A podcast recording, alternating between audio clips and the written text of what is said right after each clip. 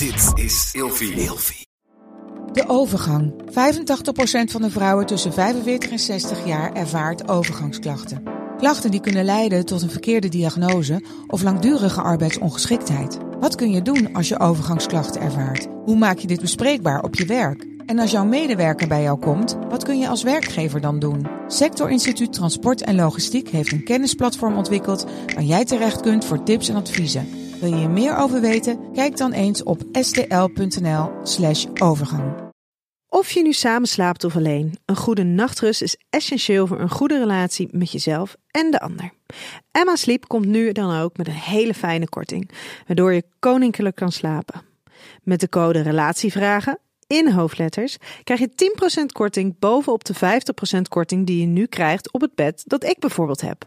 De Emma Storage Deluxe Boxspring. Handig voor als je goed wil slapen en extra opbergruimte wil. Dus ga snel naar emmasleep.nl en bestel jouw bed. Hallo, ik ben Linda Duits. Ik ben sociaal wetenschapper gespecialiseerd in gender en seksualiteit. En vandaag beantwoord ik de volgende vraag. Wanneer ervaren vrouwen hun seksuele top? Ha, de seksuele top van vrouwen.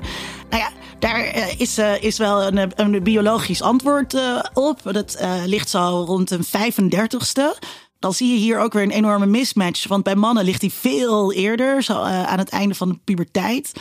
Maar ja, er is natuurlijk veel meer dan het biologische. Hoe jij in je seksuele vel zit, is daarbij veel belangrijker dan zo'n uh, gemiddelde uh, leeftijd die je krijgt. Het is ook niet zo, want als je dat zo over die top formuleert, dan lijkt het ook net alsof het daarna dus allemaal minder wordt. Heel veel vrouwen zijn ook bang dat als ze ouder worden en in de overgang komen, dat hun, dat hun seksualiteit minder wordt, of dat ze minder zin hebben. Dat hoeft helemaal niet zo te zijn.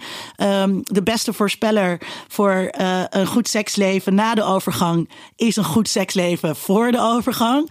Dus uh, ja, het kan heel goed zijn dat je uh, op je 35ste in een relatie zit die niet zo lekker loopt. Of dat het met jou in je leven niet zo lekker gaat. En dat je vervolgens, als je 45 bent, in een hele andere periode zit. En dan een veel beter seksleven hebt. Dus ja, laat die 35 als getal uh, ook los. En ik zou sowieso zeggen, ja, probeer er altijd uh, het maximale uit te halen.